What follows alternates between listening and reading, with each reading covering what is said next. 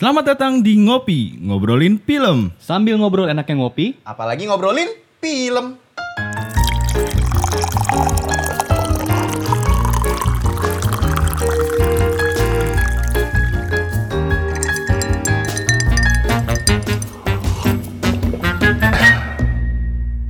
Oke, welcome to Ngopi, ngobrolin, Ngobrolin film. Oke, sekarang kita agak spesial nih ya, karena kita sedang ada di Tokyo. Wah, gila Iya, jauh kede- banget ya. kedengeran banget kan Iya. udaranya.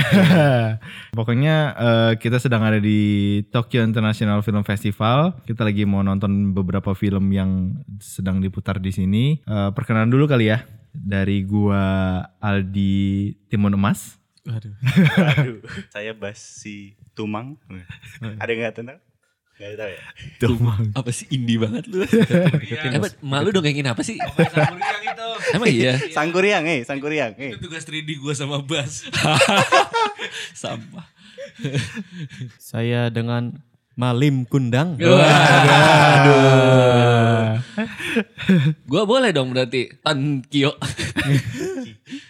Pinocchio guys. jauh, jauh. Beda. Jauh ya. Jauh ya udah Tantio si kerudung merah. Wah. Tantio Malaka. Wah. Mantan Malaka dong. Itu real, eh real. Oke, ini kita bakal ngobrolin film Yang baru kita tonton di Ya, TV. ha. Itu Judulnya The Science of Hirup Fiction. Pikuk Si Alkisah. Hirup pikuk si Alkisah. Iya. Tuh. Jadi ini adalah, itu Indonesianya. Iya, judul Indonesianya itu. ini adalah film yang bercerita tentang satu orang karakter bernama Siman Hmm. yang menyaksikan uh, proses pembuatan film moon landing yang ternyata palsu gitu di Hmm. panah Jogja gitu. Dia ketangkep dan lidahnya dipotong, Hmm. tapi dia tetap ingin menceritakan apa yang dia saksikan melalui tubuhnya, Hmm, gerak-gerik melalui keseharian. gerakan. Ah, melalui Iya. gerakannya. Oke, sebelum kita ngobrolin filmnya, kita dengerin dulu trailernya. malam dia pergi ke tanah terlarang setan memaksanya menggigit lidahnya sendiri.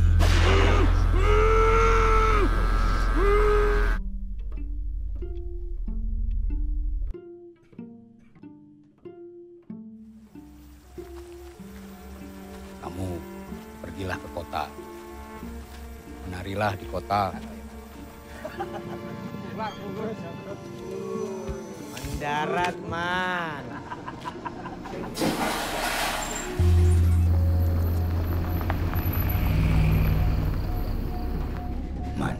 Joget to koyo astronot. Ning ojo nganti kelebon. Nek kue krasa ana sing arep mlebu, ning kue ra iso nglawan. Cokoten lambemu.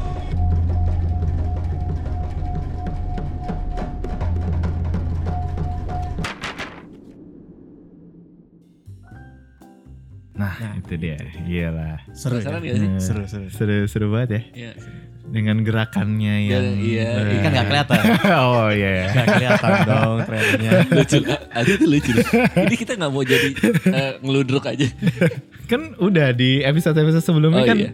jadi Sri Mulut. Iya kan? yang sama Bapak juga kan? Nggak tahu Bapak. Tio. Gimana perasaan kalian setelah nonton film The Science of Fiction atau Hirup Pikuk si Alkisah? Iya, ini eh, pertama kali ya Bas ya ikut ya. ngobrol-ngobrol bareng kita. Pertama kali, pertama kali benar. Dan juga pertama kali juga nonton film panjang dari eh, Mas Anggi. director Mas Anggi. Ah, oke. Sebelumnya pernah nonton yang short filmnya Lady Oh, The Lady Kedi. Lady Kedi, Ah. Lady Kedi. Kalau menurut gue sih filmnya agak mirip-mirip sama Lady Kedi gitu. Ah, Dan tapi di setelah nontonnya itu agak beda tuh. hmm. Setelah nontonnya tuh apa ya kayak Indonesia banget gitu Nah. gue rasa sih jadi kayak kayaknya karena penyelesaiannya itu sih menurut gue penyelesaiannya tuh bikin Indonesia banget sih kayak gitu penyelesaiannya menurut gue sih Hmm, jadi sangat lokal Ya. gitu ya. feels like home lah di Ah. Tokyo ini gitu. Ah, Ya gue juga setuju dengan Bas ini film yang sangat eksotis ya kalau bisa dibilang Eh, filmnya itu seperti menonton film-film yang dari Indonesia tapi bukan bukan Indonesia yang blockbusternya gitu loh. Iya iya iya. Gitu. Kita kayak ngelihat sisi Indonesia lain yang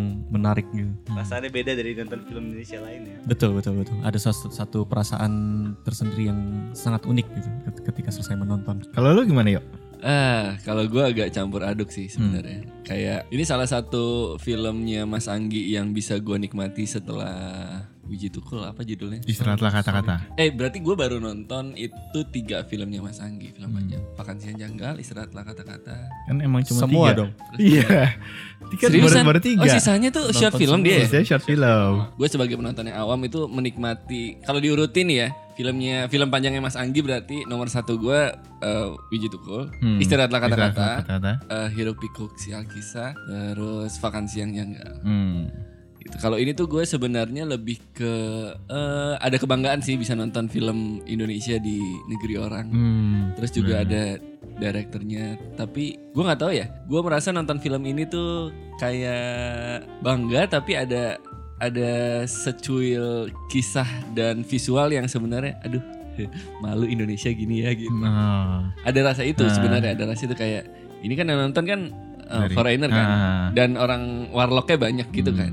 Internasional gitu ya. Iya, yang mereka lihat yang mungkin tidak pernah mereka lihat gitu. Hmm. Sedangkan ada sisi-sisi Indonesia tuh sebenarnya yang gue pengen tuh orang lain tuh nggak lihat gitu. Gue pengen Ah. Indonesia tuh uh, beauty, ya. Hmm. wonderful Indonesia gitu Oh, kan. Oke oke.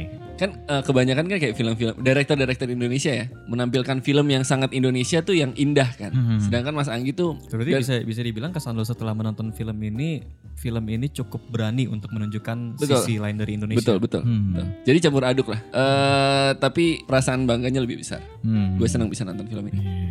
Untuk gua, gue sama Ketio perasaannya tuh cukup menyenangkan ketika melihat film kita Indonesia yang diputar di negara orang gitu. dan gue bisa sa- salah satu orang yang mengapresiasi film itu untuk nonton gitu. Untuk filmnya itu sendiri, gue juga cukup menikmati filmnya karena Mas Anggi bikin treatment sesuatu treatment yang baru lagi gitu di antara film-film yang lain gitu. Ada ada unsur-unsur yang treatment-treatment yang baru yang dia mau kasih ke penonton gitu. Perasaannya walaupun sebenarnya film ini tuh eh, apa ya cukup lambat gitu secara pace dan segala macam, tapi lu bisa menikmati kekayaan visual, kekayaan gerak, blocking, pergerakan eh, ak- para aktor-aktornya kayak gitu-gitu sih itu cukup eh, buat gue cukup eh, surprisingly good gitu melihat apa yang disajikan sama Mas Anggi sih kalau gue itu sih. Mungkin next kita lanjut ke apa yang kita suka dari Nah. film ini. Oke. Unsur apa saja yang kita suka? Bagian yang gue suka adalah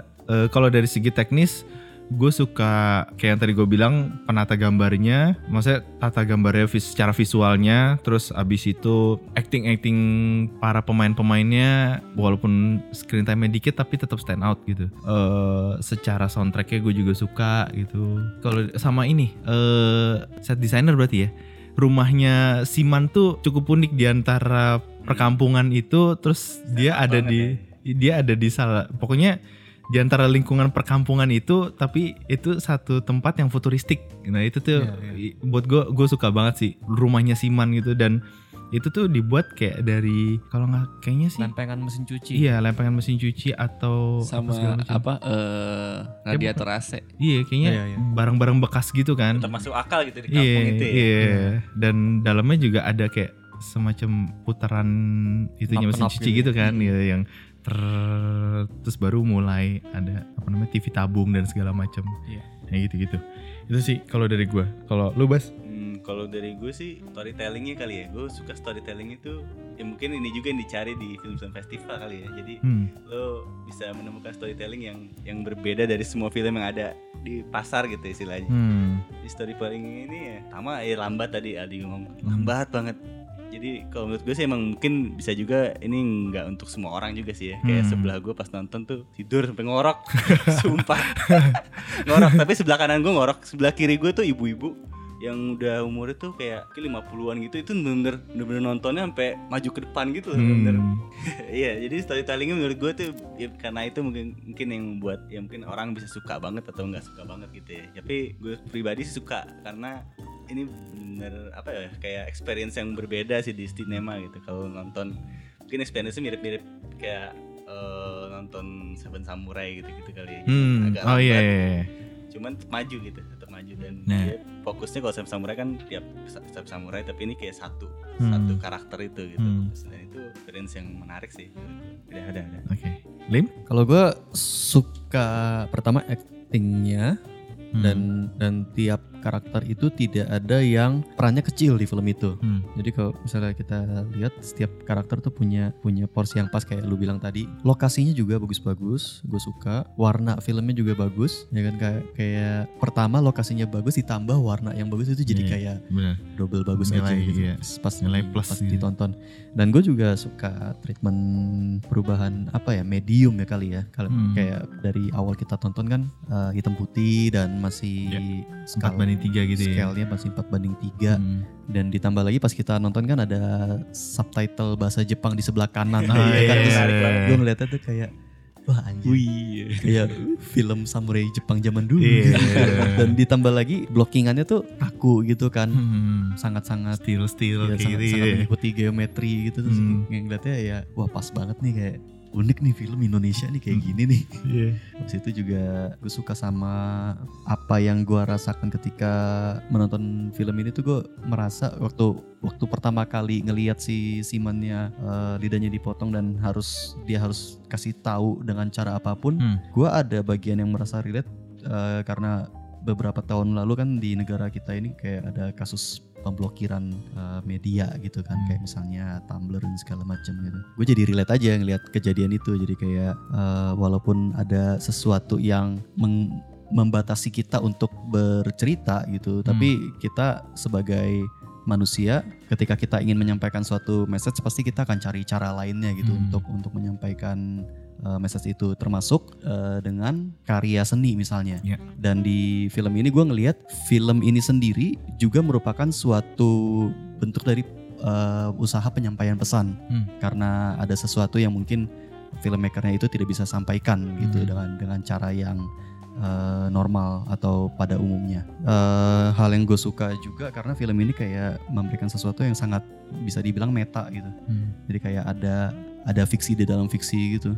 Hmm. Iya. Terus gue gue gue langsung ngeliat kayak eh, ini kan film tentang science of fiction. Terus filmnya ini sendiri kan memang fiksi, tapi bercerita tentang pembuatan fiksi misalnya mulai dari moon landingnya itu. Hmm. Terus juga si karakter Simannya itu ketika bergerak juga itu kan di- si Siman sedang merecreate suatu suatu peristiwa de- dengan hasil hasil akhirnya itu ya adalah sebuah cerita juga kan. Mhm. Tapi dia menceritakan dengan dengan gerakan badan gitu. Hmm. Dan orang-orang bisa nganggapnya itu sebagai fiksi walaupun si Simannya itu asli melihatnya. Tapi kan yang si, si dilihat oleh Siman itu kan juga merupakan fiksi yang Hmm. moon landing bohongannya itu. Jadi kayak di dalam film ini tuh sangat sangat berbaur antara uh, realita dan fiksi gitu. Dan sesekali juga ada adegan-adegan yang membuat gua sadar tuh uh, film ini pun semuanya adalah fiksi gitu. Hmm. walaupun di dalamnya sedang berusaha menceritakan suatu realita gitu si Hmm. karakternya kan uh, beberapa kali gue sadar oh ini ini ini ini pun filmnya fiksi gitu. Di, di dalam fiksi ada fiksi lagi. Terus juga gue suka sama uh, ada satu satu cara yang di dialami bukan dialami ya yang ditunjukkan lewat Siman. Uh, buat nge-snap kalau ini tuh sebenarnya masih uh, berhubungan dengan realita loh si Simannya itu si karakter Hmm. Simannya itu kan Hmm. setiap hari kan dia bergerak pelan gitu pelan segala macam tapi gue melihat di sepanjang film ini ada dua hal yang bisa nge-snap si Siman ini ini ke realita pada saat dia mulai gue nganggap eh, dia balik ke realitanya adalah pada saat dia sudah tidak bergerak lambat lagi ketika dia out of character Ah iya iya. kayak misalnya tiba-tiba dia lari gitu Hmm. Itu pertama ketika uangnya diambil sama temennya sama yang kedua ketika dia nafsu banget dan akhirnya berusaha Oh, untuk menyerang si Hmm. eh, perempuan di dalam Di- kamar mandi iya, yang di pantai itu ya. Iya. Hmm. Jadi gue bisa bisa melihat eh, serapi apa pun si Siman ini stay in karakter untuk menyampaikan suatu pesan, tapi dia bisa balik lagi ada sesuatu yang bisa bikin kita balik ke realita. Dalam hal ini mungkin gue ngeliatnya kayak segiat apa pun, sepassionate apa pun orang pengen berkarya gitu misalnya. Hmm. Manusia biasa gitu ya. Tapi pada akhirnya kita sebagai kreator akan bisa mempertimbangkan untuk kembali ke realita jika dihadapkan pada antara satu uang atau kedua kebutuhan manusiawi kita Hmm. entah itu uh, nafsu nafsu makanan atau nafsu nafsu seks nafsu dan nafsu lain-lainnya kayak misalnya uh, lu nafsu akan kekuasaan juga bisa jadi kan kayak lu akhirnya mengesampingkan karya lu dan lu mengikuti Hmm. nafsu lu itu gue ngeliat di situ kayak wah iya, iya juga ya gitu Hmm. jadi pas nonton tuh jadi jadi kayak mikirnya gitu sih kayak iya juga ya dan yang terakhir gue suka sama soundtracknya Mantap ya. Koplo Five Karena eh, Udah kita putar berapa kali ya? Iya. Wah, Sambil minum strong zero, sambil menyuarakan kenapa orang miskin tidak boleh mabuk. Nah, itu dia. Kalau dari lu ya gimana? Eh, kurang lebih gue sama kayak Lim sih. Gue suka detail storytelling yang juga ditampilkan lewat eh, visual ya. Jadi secara timeline maju juga secara rasio gambarnya juga berubah kan.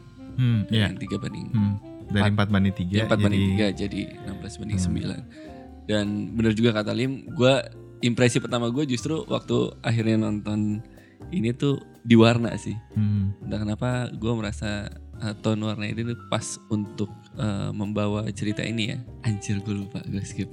Tar, tar, tar, tar. Sambil lu mikir, gue pengen nambahin tadi yang si Lim bilang tentang si black and white itu. Gue juga pas lagi awal-awal film tuh kayak ngerasain "Eh, filmnya tuh kayak gue lagi nonton film-film Akira Kurosawa gitu loh. Kayak apa ya, Yojimbo mungkin atau yang Jimbo, lain. Rashomon, Iya, dan kayak gitu-gitu. Wah, Zaman-zaman samurai iya. Karena pada waktu itu.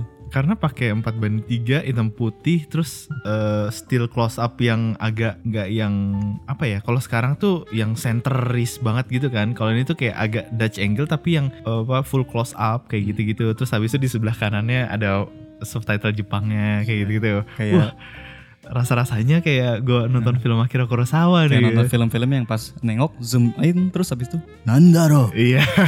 Korewa, Korewa Simanda. Ingat gue, ingat gue. nah silakan. Udah ingat gue. Bapak Tio. Gue cukup relate sebenarnya sama sama kondisi Siman di awal film ini ketika eh, lidahnya dipotong sebagai ini gue nggak tahu gue menangkapnya ini sebagai penggambaran pada masa eh, orde baru saat itu mulut kita tuh dibungkam gitu. Iya, iya. ya kan? Itu detail-detail itu yang dan eh, jadi gue emang suka. Makanya gue nonton Wiji Tukul. Terus gue juga nonton ini gue suka gitu. Jadi karena emang relate gitu. Karena ya mungkin buat buat orang yang nggak kena imbasnya langsung kayak ini sebuah sejarah yang oke ini sejarah kelam yang kita nggak mau ulangin lagi gitu. Sebuah apa ya ketakutan yang teramat sangat gitu. Ketakutan itu terjadi ketika di saat gua harus mau lahir gitu jadi kayak terus lebih cerita. Tapi detail-detail cerita itu yang akhirnya gua nonton film ini tuh jadi kayak duduk bener-bener nonton yang ah oke terus. Dan cerita ini dibawa sampai ke tahun yang sudah digital dengan mobile phone gitu. Dan kan di awal kan sebenarnya dia menonton sebuah adegan fiksi pendaratan manusia di bulan kan. Dan itu akhirnya jadi main karakternya Mas Gunawan di film ini gitu. Gue tuh saking sukanya sama istirahatlah kata-kata. Gunawan Marianto Hmm. wajahnya Mas Gunawan tuh masih ketempel tau Wiji Tukulnya Iya, sama gue iya, iya, Ya? iya, bener. Karena emang Wiji Tukul, dia kan meranin Wiji, Wiji Tukul tuh, wah gila, Gila, banget, ya. iya. Dan itu salah satu eh batu loncatannya dia ya. Akhirnya Hmm. dia sekarang main lagi dan oke banget gitu. Si Mas Gunawan ini di dalam film ini aktingnya dua kali loh. Dia harus menjadi si Siman dan harus berpantomim juga Iya, se- selayaknya benar. orang yang Hmm. lagi ada di Iya, bulan. betul. Nggak ada dialog sama sekali loh gila dalam satu film tuh. Tapi kita bisa ngelihat strugglingnya dia untuk gue pengen ngasih tahu loh gitu, pengen bertutur tapi Iya. nggak bisa Hmm. bertutur gitu. Gimana Iya, caranya? bayangin ketika di karakter lain dengan gampangnya tinggal ngomong aja ketika Mm-mm. ingin menyampaikan sesuatu, tapi si Siman ini udah dia memupuk kenyataan yang sangat banyak gitu dan sangat penting, tapi di sisi lain lidahnya itu nggak bisa berkata-kata Iya. gitu, jadi dia Hmm. harus menemukan cara lain untuk bisa menyampaikan semua data-data yang begitu besar itu. Hmm. Dan- Salah satu ini sih yang gue suka juga sebenarnya tadi lupa gue sebut tuh. Itu kayak penggunaan kontras di film itu, di penggunaan kontras di film ini tuh kalau di film lain mungkin banyak penggunaan kontras tuh kayak pakai warna Mm. atau framing, dialog gitu ya. Kalau dia tuh pakai movement gitu loh main kontras jadi mana orang-orang bergerak kayak biasa gitu ya. Iya. Dan dia sendiri tuh Iya. dia orangnya orang biasa gitu sebenarnya cuman karena gerakannya itu nggak nggak kayak orang biasa jadi itu menurut gue ini unik banget sih kontras Hmm. biasanya banyak sih emang dipakai di film-film animasi gitu loh tapi kalau di Hmm. film film live action tuh ngeliat jarang. jarang eh, Hmm. jarang Dan itu pun ada ada juga kontras di bagian soundtracknya kan ketika si Siman Mhm. lagi nganter barang di pasar gitu. iya malah soundtracknya background musiknya tuh koplo gitu lagi orang-orang Iya, lagi iya, deg-deg, iya. deg-deg, yang upbeat segala macam. Eh, tapi itu ngelihat Gerakannya ini lagunya upbeat tapi kok lo slow banget gitu. Iya. Jadi kayak agak eh gue mau nanya deh kalau kan waktu itu nonton yang sebelumnya istirahatlah kata-kata ya itu masih nempel gak sih kayak karakter? Kan udah kayak kayak karakter itu yang sebelumnya itu udah Oh iya iya. sangat ini gak sih ke bawah gak sih kayak Kebawa banget sih karena aduh gue suka banget deh sama istirahat kata-kata kan. Di istirahat kata-kata juga karakter Gunawan Marianto itu sebagai Wiji Tukul kan juga dalam tanda kutip dibungkam kan Mhm. karena dia menjadi orang yang diincar gitu, orang yang wanted gitu. Dan gue relate sama yang tadi Lim bahas sih soal ketika akhirnya kita keluar dari rasa yang selama ini tuh kita tahan terus akhirnya ah anjing lah gue udah kayak gini waktu uangnya diambil. Waktu dia nyamperin jalan cepet dia gedor. Terus kayak gue deg-degan gitu kayak ah, Kayak- anjir deh. Kita bisa merasakan Iya iya kemarahannya iya, juga. gue kan? gue bisa merasakan kemarahannya gitu. Karena kan lo kalau lo perhatiin tuh sepanjang film nggak ada yang masalah lo sama sama apa yang dia lakukan jalan Iya, amat iya. nggak ada yang merasa terganggu sama sekali. Tapi si temennya ini malah memanfaatkan Betul. ke keselowannya dia bukan slow juga sih. Tau gak gue kira tuh di rumah ya Waktu akhirnya dia eh, nutup kaleng tutup gue kira hayo gue kira begitu. Ternyata nggak sereceh itu ya mas. Enggak Enggak ada. oh, enggak ya gue kira kan man man hayo. Anda salah nonton itu ekstravaganza. oh iya. Sorry sorry sorry. Eh, iya sih detail-detail itu yang eh, dan yang Lim bilang juga benar ketika kita nonton udah terbawa sama film ini yang terasa sangat sangat dekat dengan kita tapi akhirnya kita disadarkan kembali kalau ya ini, ini tuh film fiksi sebenarnya kan.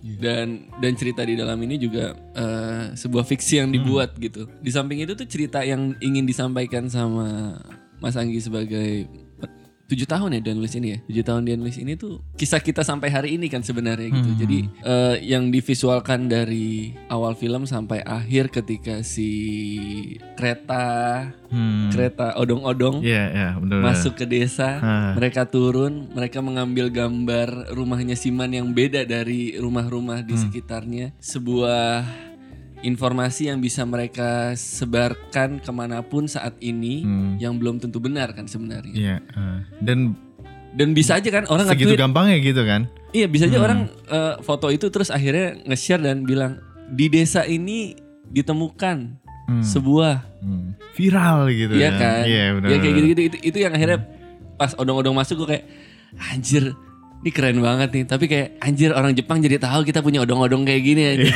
atau orang Jepang nanti ngira kendaraan di Indonesia kayak gini gitu kan Hmm. kayak gitu sih jadi sebenarnya per- perasaan gue tuh campur aduk gitu Iya. seneng karena eh, Mas Anggi tuh me- menampilkan film ini tuh sangat Apa adanya gitu. apa adanya gitu Hmm. semua ditampilkan karena ya memang eh, Begitulah keadaannya. begitulah keadaannya Indonesia Ah, gitu Iya. Eh. tapi di satu sisi gue ya gitu ada tapi tapi gue nggak Nih. khawatir sih gue nggak khawatir gitu dianggap sebagai kendaraan kita karena kan Kenapa? di film itu ada kendaraan lain yang lebih normal juga Iya sih. jadi kayak nggak Iya mungkin sih. orang Jepang Siapa cuma tahu kan. odong-odongnya. Wow, GR Line. bukan bukan oh enggak bukan ya. Nggak, gua, gua rasa orang Jepang nggak sebego itu. Goblok banget sih kalau emang kalau emang mikir Indonesia terpuruk itu. Aduh, ya gitu sih. Coba detail- detail-detail yang ditampilkan apa adanya tuh Iya. jadi sesuatu yang eh, menarik dan sangat Indonesia gitu. Walaupun memang sebenarnya background ceritanya itu dari cerita yang sebenarnya sangat sensitif kan di negeri kita gitu. Iya. hmm. Gitu sih. Itu yang gue suka. Dan itu ya emang rumah roketnya bagus banget. Iya bagus banget ya. Hmm. Gue suka Iya. banget sih. Lu belum pernah melihat di film Asia mana pun ada adegan orang tinggal di dalam rumah roket Mhm. Yang terbuat dari lempengan-lempengan appliance gitu. Iya, benar sekali. Keren keren. Sama gue suka eh, perpindahan cara bercerita dari dari dari segi dialog ya. Jadi Hmm. kalau lo lihat di bagian awal film kan obrolannya kan kaku kan, yang terkesan kayak monolog-monolog Hmm. terus kan kayak men- kayak kayak sangat sangat puitis gitu. Dan kalau gue pikir-pikir ya emang pada saat itu cara bercerita emang kayak gitu gitu gayanya. Kayak masih terdengar kaku kalau misalnya Hmm. kita denger zaman sekarang. Tapi pas di mulai ke tengah film dan mulai mulai ke akhir-akhir di- eh, film itu cara berceritanya jadi lebih luas. Hmm. Jadi ada ada selain perubahan dari segi medium, warna dan eh, aspek rasio, ada juga perubahan dari segi dan bahkan musik musiknya kan juga berubah kan. Hmm. Makin makin ke zaman sekarang makin dangdut dan eh, ditutup dengan lagu Libertaria gitu. Wih. Libertaria. Kaget sih gue pas terakhir tutup lagunya gitu kayak gitu. Iya, dangdut koplo gitu. Iya, Science of fiction, I present you science of fiction langsung tutup pakai koplo pai. dari segala konflik yang ada di film itu gitu ya. Tapi Indian tuh pas endingnya terakhir tuh pasti ada kayak warga tuh ya melihat itu sebagai hiburan aja gitu. Iya, Ya, iya, betul. iya, iya, iya. Ya, Itu dia. Apa pun apa pun konfliknya apa pun ini Betul, ya betul. itu, Itu dia. adalah hiburan. Betul, gitu. betul. Mau gitu kejadian besar, kejadian kecil gitu. Keren ya. Tetap Iya. ujung-ujungnya ditonton dan sekarang sudah direkam lagi. Iya. Kejadian itu direplikasi lewat HP. Hmm. Dan semakin cepat gitu karena perkembangan zaman juga kan gitu. Nah, Karena kan dulu eh, Siman melihat kejadian moon landing, dia dulu nggak punya HP. Hmm. Akhirnya dia menceritakannya dengan gerakan, Gerakan. badannya. Sekarang Hmm. orang-orang udah punya HP ya udah. Iya. Kayak mau ngeritain ulang gampang aja.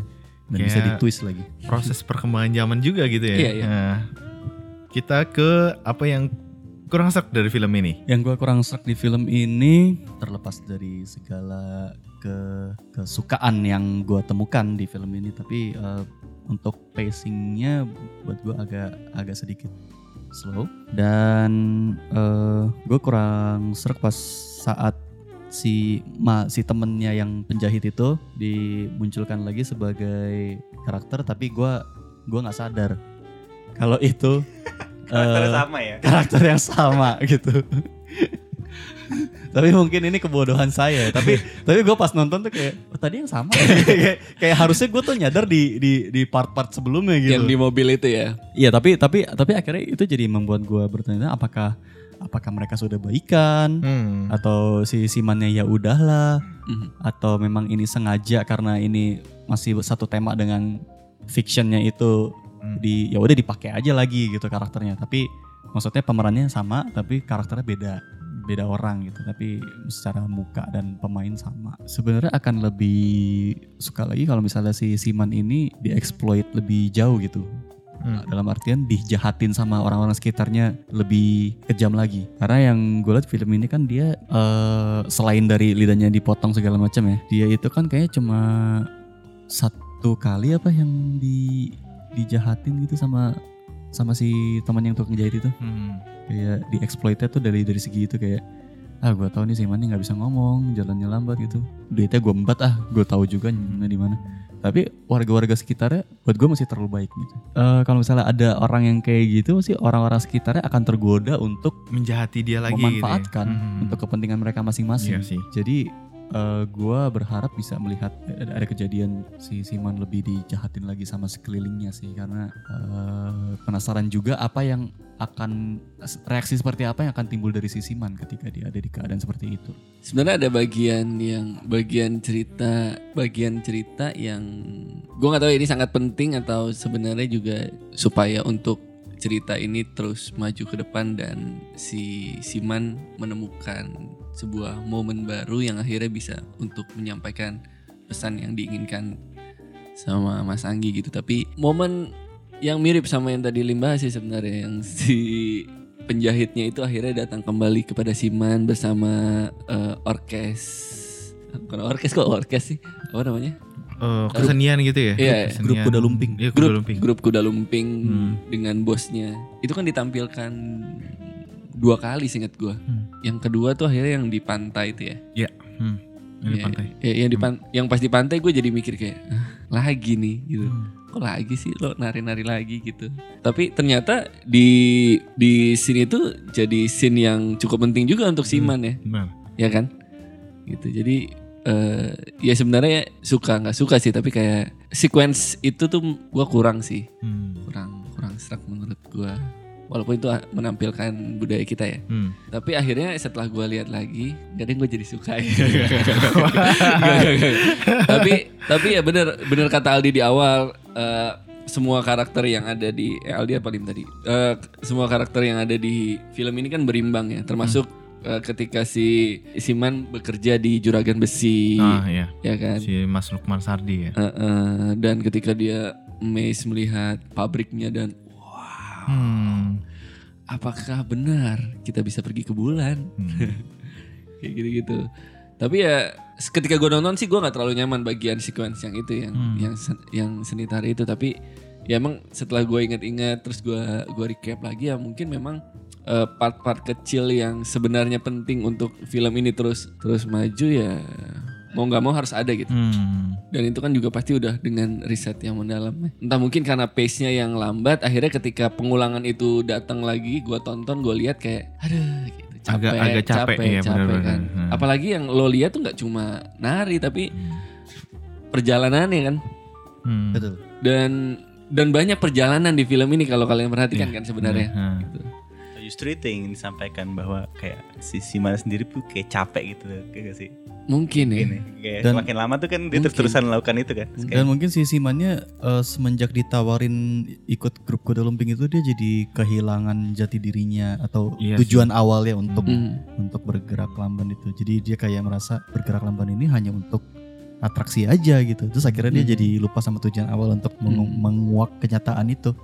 Hmm. Dan layer tambahannya ketika si si Siman di backstage Hmm. habis tampil di nikahan. Nah, itu adegan yang ketika di yang Lim bilang tuh benar menurut gua. Jadi kayak ketika di backstage terus si Mas Yudinya bilang lo tuh harusnya bilang kalau Hmm. ada ya itu itu salah satu salah satu detail scene yang eh, menurut gua sangat penting ya. Hmm. Ya mungkin si Siman itu ya ya yang tadi Lim bilang capek gitu. Hmm. Pada akhirnya dia mencoba untuk perlahan masuk ke eh, realita yang di mana ya lo untuk butuh butuh uang buat hidup Hmm. dan butuh memenuhi kebutuhan biologis lo sih. Eh, kalau gue yang gue kurang suka sebenarnya emang mungkin dari segi pace kali ya. Jadi kita dituntut untuk melihat kesehariannya Siman itu seperti apa dan segala macam gitu. Memang Siman bergerak sangat lambat gitu. Mm-mm. Iya. Mungkin juga sebenarnya kalau film ini dibuat lebih padat juga sulit nih. Kalau gue mungkin sa- hampir sama kayak Bapak Alim juga sih yang menurut gue yang ketika si karakter yang dipakai dua kali itu mungkin ada pesan yang mau disampaikan gitu ya cuman gue Kurang dapat gitu. Eh, dan dan apa namanya dia gue karena ini kayaknya pernah lihat nih aktornya ternyata iya jadi aktor yang dipakai dua kali itu kayak kayak siapa gitu tapi tapi gue gue juga nggak dapet sama sih sama kayak Lim gitu waktu Padahal gue udah dapet loh dari dia di mobil tuh sebenarnya. Dia datang dia kayaknya udah di awal udah hilang gitu tapi kok muncul lagi gue Iya, tuh dia- kayak, dia kan kayak duduk di belakangnya si Juragan kan sebenarnya kan. si di- duduk di belakangnya Jumik kan. Nah tapi pas itu gue masih mikir, hah udah baikan nih? Eh, Atau apa kayak kayak, apa kayak banyak karakter baru gitu. banyak asumsi gitu. Hmm, Ah, iya, iya, iya. Itu membuat bingung sih sebenarnya buat Iya, bingung iya, cuman mungkin ada pesan yang mau disampaikan gitu dari situ ya Kesannya adalah pada akhirnya Pesannya adalah pada akhirnya semua hanyalah fiction. hanyalah fiction. Oh, hanya fiction Dan Ada uang fix- akan menyatukan kita semua gitu. sama mungkin yang pas ini sih yang bukan ini pribadi aja cuman Hmm. Kayak kayak apa namanya si ekspresi si Siman ketika dia melakukan sexual harassment ke cewek itu Hmm. apa ya menurut gue kayak curve-nya itu terlalu cepet gitu ekstrim gitu dari dari Siman yang kayak gini tuh terus jadi kayak gitu ya kalau menurut gue gitu ya. Hmm. ya mungkin nggak langsung kayak gitu dari Hmm. dari dari orang yang kalem dan tidak bisa ekspresi tiba-tiba dia jadi ekspresif kayak begitu gitu di, Hmm. di adegan berikutnya gitu. Hmm. ada step-stepnya menurut gue gitu cuman ya mungkin itu sih Ini soal penilaian sih sebenarnya. Hmm. Kayak sebenarnya kita juga nonton film ini juga kayak kita melihat karakter-karakter yang ada di lingkungan Ya, kita benar, gitu. benar. Kadang-kadang mengagetkan gitu. Tiba-tiba gitu Apa ya. iya gitu? Hmm. Emang iya gitu kayak sosok yang selama ini lo anggap eh, A ternyata bisa B gitu. Dan itu kenyataannya sih, Bas. Hmm. Gitu menurut gua ya. Jadi ketika sisi-sisi kelam dan itu juga ditampilkan kan ketika si Siman akhirnya mencoba memperkosa PSK dan PSK-nya kayak fuck off gitu kayak ya siapa yang mau gitu. Orang hina, orang yang dianggap hina bekerja sebagai PSK gitu. Bahkan menolak gitu Hmm. diperlakukan seperti itu gitu. Gitu-gitu kan yang kita nggak tahu sebenarnya. Hmm. Yang Iya. pas adegan di pantai. Ismail Abigail. ya. Iya, dia kan dia ngelihat wah cewek terus habis itu dia tiba-tiba eh, udah bisa sampai dua kali kan dua dua Iya. dua ini Dan kan. detail ngitung duitnya sih. Iya. Gue merinding loh sebagai orang yang pernah ngitung duit di warung. Iya. langsung ke besin. Wah, besin ya. Ini receh sih besin gue.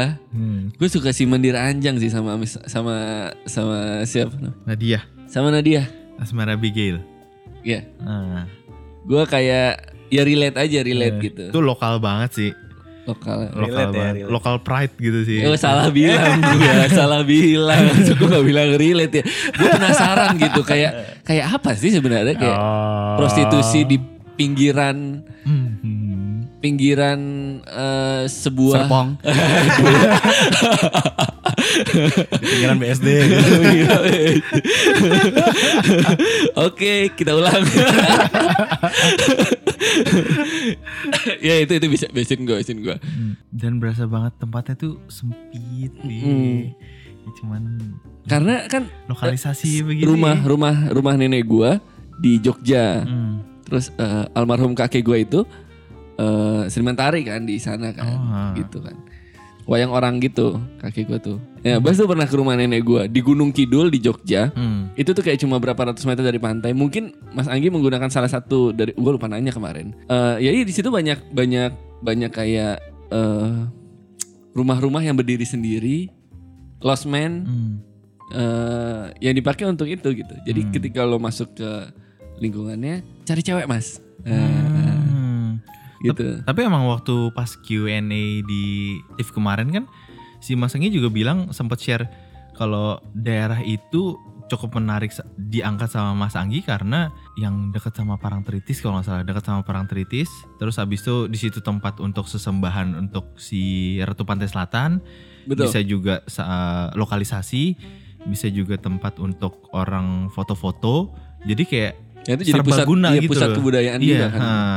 Dan jadi lu bisa ada unsur kebudayaan juga, tapi lu bisa untuk lokalisasi itu juga Hmm. gitu dan untuk eh, latihan haji itu apa sebutannya? Manasik. Manasik. Oh, manasik juga di itu situ. juga di Iya, situ manasik juga di gitu ya. karena ada ada ada satu Oh, tempat yang berbentuk Ka- Ka'bah gitu. kecil gitu. Iya, ha. dan Hmm. kayak karena itu kan kayak semacam gundukan pasir kayak gitu-gitu kan. Iya. ya, Dan itu kan dekat sebenarnya pantai. pinggir pantai berbatu. Kalau di Iya. Gunung Kidul tuh Hmm, itu pantainya berbatu semua. Hmm. Jarang ada pantai yang benar-benar bersih. pasir Pasar gitu putih ya. itu tuh jarang ha. sebenarnya. Iya. Iya itu itu besin gue. Sama sama satu lagi yang si Siman akhirnya lari tuh nyamperin si yang dok dok dok dok Hmm, si penjahit si karena penjahit. habis nyuri uangnya dan di situ gue baru ngeh kalau pas dia duduk di pinggir, oh nama tempat jahitnya ternyata angkasa gitu, Ah. kayak lucu banget gitu.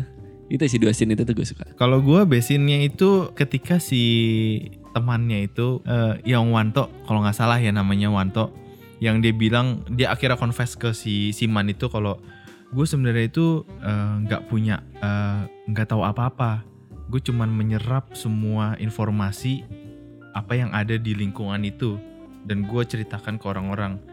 Sampai akhirnya yang itu membuat dia jadi kayak semacam dalam tanda kutip dukun kan Ya. itu yang akhirnya dia mau menyembuhkan Siman itu ternyata nggak bisa gitu. Hmm, dan iya, Iya. semua menganggap Siman itu orang gila dalam satu satu wilayahnya satu desanya itu kan. Sampai akhirnya si ibunya pun itu nggak kuat sama apa yang diomongin sama lingkungan dan Siman berperilaku gitu.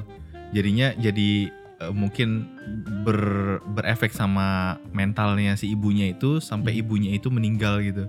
Itu dalam satu scene itu yang membuat gue wah ini ngefek banget di gue gitu dan bolak-balik tuh ada ada flash scene flashback si ibunya sama anjingnya terus Iya, iya. anjingnya di talinya dibuka dan segala macam itu tengok wah anjir Itu sequence itu cukup Iya. bold sih. Iya, Iya, benar benar itu tuh, tuh keren banget sih buat gue gitu. Eh revealing revealing yang buat gue ah Siman dikasih tahu kalau Simbo meninggal. Hmm. Terus habis itu Siman eh, berusaha untuk membawa keranda mayatnya Simbonya itu kan eh, itu ibunya. Hmm. Terus yang akhirnya ganti ganti ganti ganti ganti karena dia emang terlalu lambat. Tim depan itu udah jauh di mana gitu kan karena mungkin perjalanan juga udah panjang. Kasihan banget buat gue itu anaknya sendiri gitu yang mau mengantarkan ibunya ke pemberhentian terakhir gitu. Itu yang yang berdampak di gua sih itu yang aduh sedih banget ya. Ini gue suka tuh pas ini loh apa eh, perkenalan si Simannya itu. Jadi pas di awal itu Siman kan belum kelihatan tuh. Di awal gitu dia bangun dari tidur itu kan dia kayak kita nggak dilihatin tuh mukanya bener-bener kayak Siman ini siapa yang tidur bangun dari kasur jalan terus pelan ke meja lambat Hmm. banget tuh kan Hmm. kayak lambat banget Hmm, sih pelan-pelan doli gitu mundur. Iya. Set. Terus dia ngambil minuman Ngambil gelas minuman. minuman. Ya itu pun lambat banget Iya, lagi iya, ngambil iya. minumannya kan. Iya. Terus kayak ibunya tuh gerak biasa gitu. Ini apa sih? Matiin gitu ya. Kok anak gue kenapa ini gitu. Iya. Nah, itu ini sih apa lu kayak gue kebayangin kalau orang yang mungkin nggak pernah lihat trailernya atau nggak pernah Iya. lihat ini ini kenapa gini Iya. gitu sih? Dan kalau kalau lu perhatiin itu kita pas pas lagi nonton gue nggak gua nggak tahu ya kalian gimana tapi kayaknya kira-kira sama deh pas kita lagi nonton pas si Simannya jalan ke kursi dan ngambil minum kita merhatiin si Simannya itu dengan sabar loh Iya, iya. dan betul. sangat menikmati gerakannya dia Betul, gitu kayak betul. kayak nih orang mau ngapain sih kita liatin yuk gitu kayak sampai It- akhir Karena itu masih Dan- bentuk ekspektasi kita ketika nonton gak sih? Kayak lu udah lihat trailernya terus dan kita pengen tahu tentang- lihat full versionnya Iya, iya, iya. akhirnya akhirnya kita harus lihat. Dan kalau dilihat dari pergerakan kameranya pun seolah-olah kameranya ikut sabar ngikutin si gerakan si karakternya. Apa ya nempel sampai masih nempel gitu sampai sekarang tuh. Hmm. Adegan itu sih. Kayak Perkenalannya tuh menarik banget. Kalau lu Lim? Kalau gue eh, gue ada memorable scene sama best scene. Wah, Curang, curang. Biar nggak- tadi gua Biar nggak dibilang best-bestin. Iya, curang dia udah pikir melarikan diri kau nak. memorable scene yang tadi Silakan. yang disebut oleh Bas yang dia bergerak pelan mengambil Hmm, minum. hmm. Kalau best scene-nya yang eh, tadi disebut Tio yang si Simannya nyamperin ke tukang jahit parah-parah, otok-otok gedor-gedor gitu. Karena di pada saat itu gue kayak ikut merasakan kekesalannya si Siman gitu dan Iya.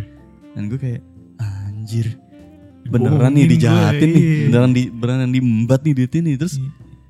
habis itu gue kayak merasa dua kali dihianati gitu ketika nonton adegan itu pertama gue dihianati oleh karakternya si Siman itu sendiri karena tiba-tiba dia jalannya cepet Biasa gitu gitu. Hmm. kok lu out of character gitu Iya. terus kedua gue merasa si Simannya itu sendiri dia dihianati sama si temennya Hmm. ya, yang udah sering dipinjemin duit Oke. Paralel gitu. iya jadi kayak et et et Iya.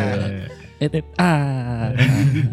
gue gue kepikiran kepikiran satu shot yang buat gue cukup cukup menarik yang si Siman lagi kalau nggak salah lagi tidur terus eh, shotnya itu dolly Oh, dolly track iya, iya, iya. gitu ke belakang terus habis itu agak muter Iya, gitu iya, iya, jadi iya. kayak Dutch angle tapi yang Iya. muter gitu Iya, iya, terus iya. habis itu ada satu shot yang Siman lagi ngeliat di kacanya yang dari dalam terus tiba-tiba ada bayangan Ah, si Siman lari itu best shot gua, itu best shot gua. yang shot slow mo gitu Udah, ya udah, udah, udah, udah, udah. Iya. Itu best shot Itu tuh, udah, udah. wah Keren. Iya. Setuju, setuju. Dan ya memang DOP-nya itu Teo Gai Hian gitu ya. Ya. Dia dia orang Malaysia yang beberapa kali udah sempat kerjasama sama filmmaker-filmmaker kita gitu. Terakhir tuh dia kerjasama sama Kucumbu Tumbuh Yadaku Hmm. gitu. Filmnya Garin. Bentar. Filmnya itu, Garin. Itu DP-nya Mas Teo Gia Gai Hian Oh, namanya. wow, gue suka banget kucumunya Mas Garin. Iya. Gua tuh Kucumbu sama- Garin emang gambarnya bagus banget. Oke, jadi rekomendasi dan puas nggak sama filmnya? Gue sih untuk orang yang ingin mencari cinema experience yang baru ya, yang Hmm. yang yang beda banget lah dari dari hal yang mainstream dan mungkin bahkan dari film-film art house yang lo sering lihat juga ini masuk yang unik sih gitu. Hmm. Jadi mungkin eh, lo keluar bakal suka atau keluar bakal nggak suka, tapi menurut gue tetap mesti dicoba nonton sih. Hmm. Ya puas lah untuk experience baru gitu. Hmm. Gue setuju sama si Bas karena untuk orang yang sering kalau misalnya ada ada penonton-penonton yang sering nonton film side stream pun ketika nonton film ini pasti akan merasa film ini unik. Hmm. Jadi gue sangat merekomendasikan untuk nonton ini tapi kalau bisa di bioskop. Dan kondisi fit ya. Iya dalam kondisi fit gitu. Iya. Jangan jangan lo Habis begadang. pulang kerja gitu terus nonton midnight gitu jangan sih. Dan gue cukup puas dengan filmnya. Gue gue sangat merekomendasikan sih karena itu dia gue sih lebih ke film ini tuh literasi banget ya buat anak-anak film. Hmm. Jadi kalian bisa sangat-sangat mempelajari nggak cuma dari eh, script writing, direction Mas Anggi yang luar biasa, sound designernya. Yasuhiro Oh iya, Morinaga. itu dia anjir. namanya. ya iya iya iya aja gue. Yasuhiro Morinaga. Itu yang ini juga tahu sound desainnya sound desainernya Mas Anggi. si Yasu- Yasuhiro Morinaga itu sempat kerja sama beberapa kali bareng sama si Garin juga di Setan Jawa. Oh. Terus Kamila Andini di- juga ya kalau nggak salah. Desinansin. Oh iya, ha, si Kamila Andini. Kamila Andini. Hmm. Dan film ini kan juga hasil kolaborasi beberapa sineas kan Beberapa negara gitu. gitu. Iya. Hmm. Rumah produksinya juga salah satunya kan dari Malaysia. Iya, Astro Show. Atau Xiao ya? Nah, Astro Show. Terus ada dari kita juga Go Studio yang selalu mendukung film-film Betul. Terima kasih Go Iya. Studio. Gila Karena- kurasi kurasi filmnya Go Studio tuh gue sangat-sangat iya bagus-bagus semua loh gila. Lu puas nggak sama filmnya? Gua, gua Hmm. puas banget. Gue juga sama lah. Gue sangat merekomendasikan untuk lu tonton eh, karena film ini tuh akan tayang perdana Indonesian Premiere tuh kalau nggak salah di JAF Jogja Netpack Asian Film Festival. Jadi kalau bisa lu sempatkan nonton di situ dan nikmatilah filmnya gitu sebagai sinema itu sendiri gitu kan. Sebuah karya seni. Ya, sebuah karya seni gitu. Dan kalau misalnya ditanya puas apa nggak puas, gue sangat puas karena gue sangat menunggu, eh, gue akan selalu menunggu karya-karya film Mas Anggi gitu. Eh, istilahnya apresiasinya itu sangat bagus gitu, karena kan dia dapat special mention di Locarno, eh, salah satunya juga diputar di Busan kemarin eh, Korea, terus habis itu di sini di Tokyo di TIFF, terus habis itu nanti eh, Mereka ke Los Angeles juga ya. Iya, ha, Avi ada ya? di Los Angeles terus habis itu ada beberapa beberapa film festival akan akan muter-muter lah gitu. gue cukup senang sih dengan ada ada film yang film Indonesia yang bisa istilahnya eh, bukan sekedar karya tapi bisa memperkenalkan budaya Betul. budaya kita gitu di luar sana gitu. Hmm. Kalau gue sih itu Eh, sangat puas. Eh gue mau ini sih mau mengapresiasi tim produser ya, Mbak Evi, Mas Edwin dan tim. Hmm. Kayak ketika kemarin Q&A juga, iya ya film ini tuh film yang sebenarnya sulit untuk eh, lo jual gitu. Sekalipun lo tahu sebenarnya sinopsisnya akan seperti itu, tapi secara skrip dan naskah kan itu sesuatu yang Iya. lo mau gambarinnya gimana gitu. Hmm. Ya kan kayak dan akhirnya film ini berhasil eh, mengumpulkan eh, dana untuk diproduksi dan bisa kita tonton kemarin. Hmm. Jadi gue sangat-sangat mengapresiasi dan rencananya juga film ini kan bakal ditayangin di bulan-bulan Januari ya. Iya, Bulan. Januari 2020 jadi kemungkinan ya lagi sedang sedang mencari ja, eh, tanggal tayang cuman kemungkinan sih mau di oke. awal awal tahun depan gitu Hmm. Gitu. Jadi eh, buat kalian yang eh, mungkin nggak sempat eh, datang ke JAF nanti bisa. Kemarin kita ngobrol di luar sesi Hmm. dan Mbak Evi cerita kalau eh, filmnya ditayangin di banyak negara dan Iya. tawaran untuk direkturnya datang tuh banyak banget dan Yes. harus milih gitu dan Nah, sampai akhir 2019 nanti Iya. ada 20-an festival kan yang nanti hmm, bakal hmm. didatengin sama film ini. Iya. dan Itu- semuanya minta direkturnya karena datang gitu. ini kan kompetisi gitu mau Betul. dimasukin dalam session kompetisi ya mau nggak mau harus direkturnya yang Iya, iya. tampil cuman kan gimana caranya direktur nggak bisa membelah diri gitu kan diri. Iya.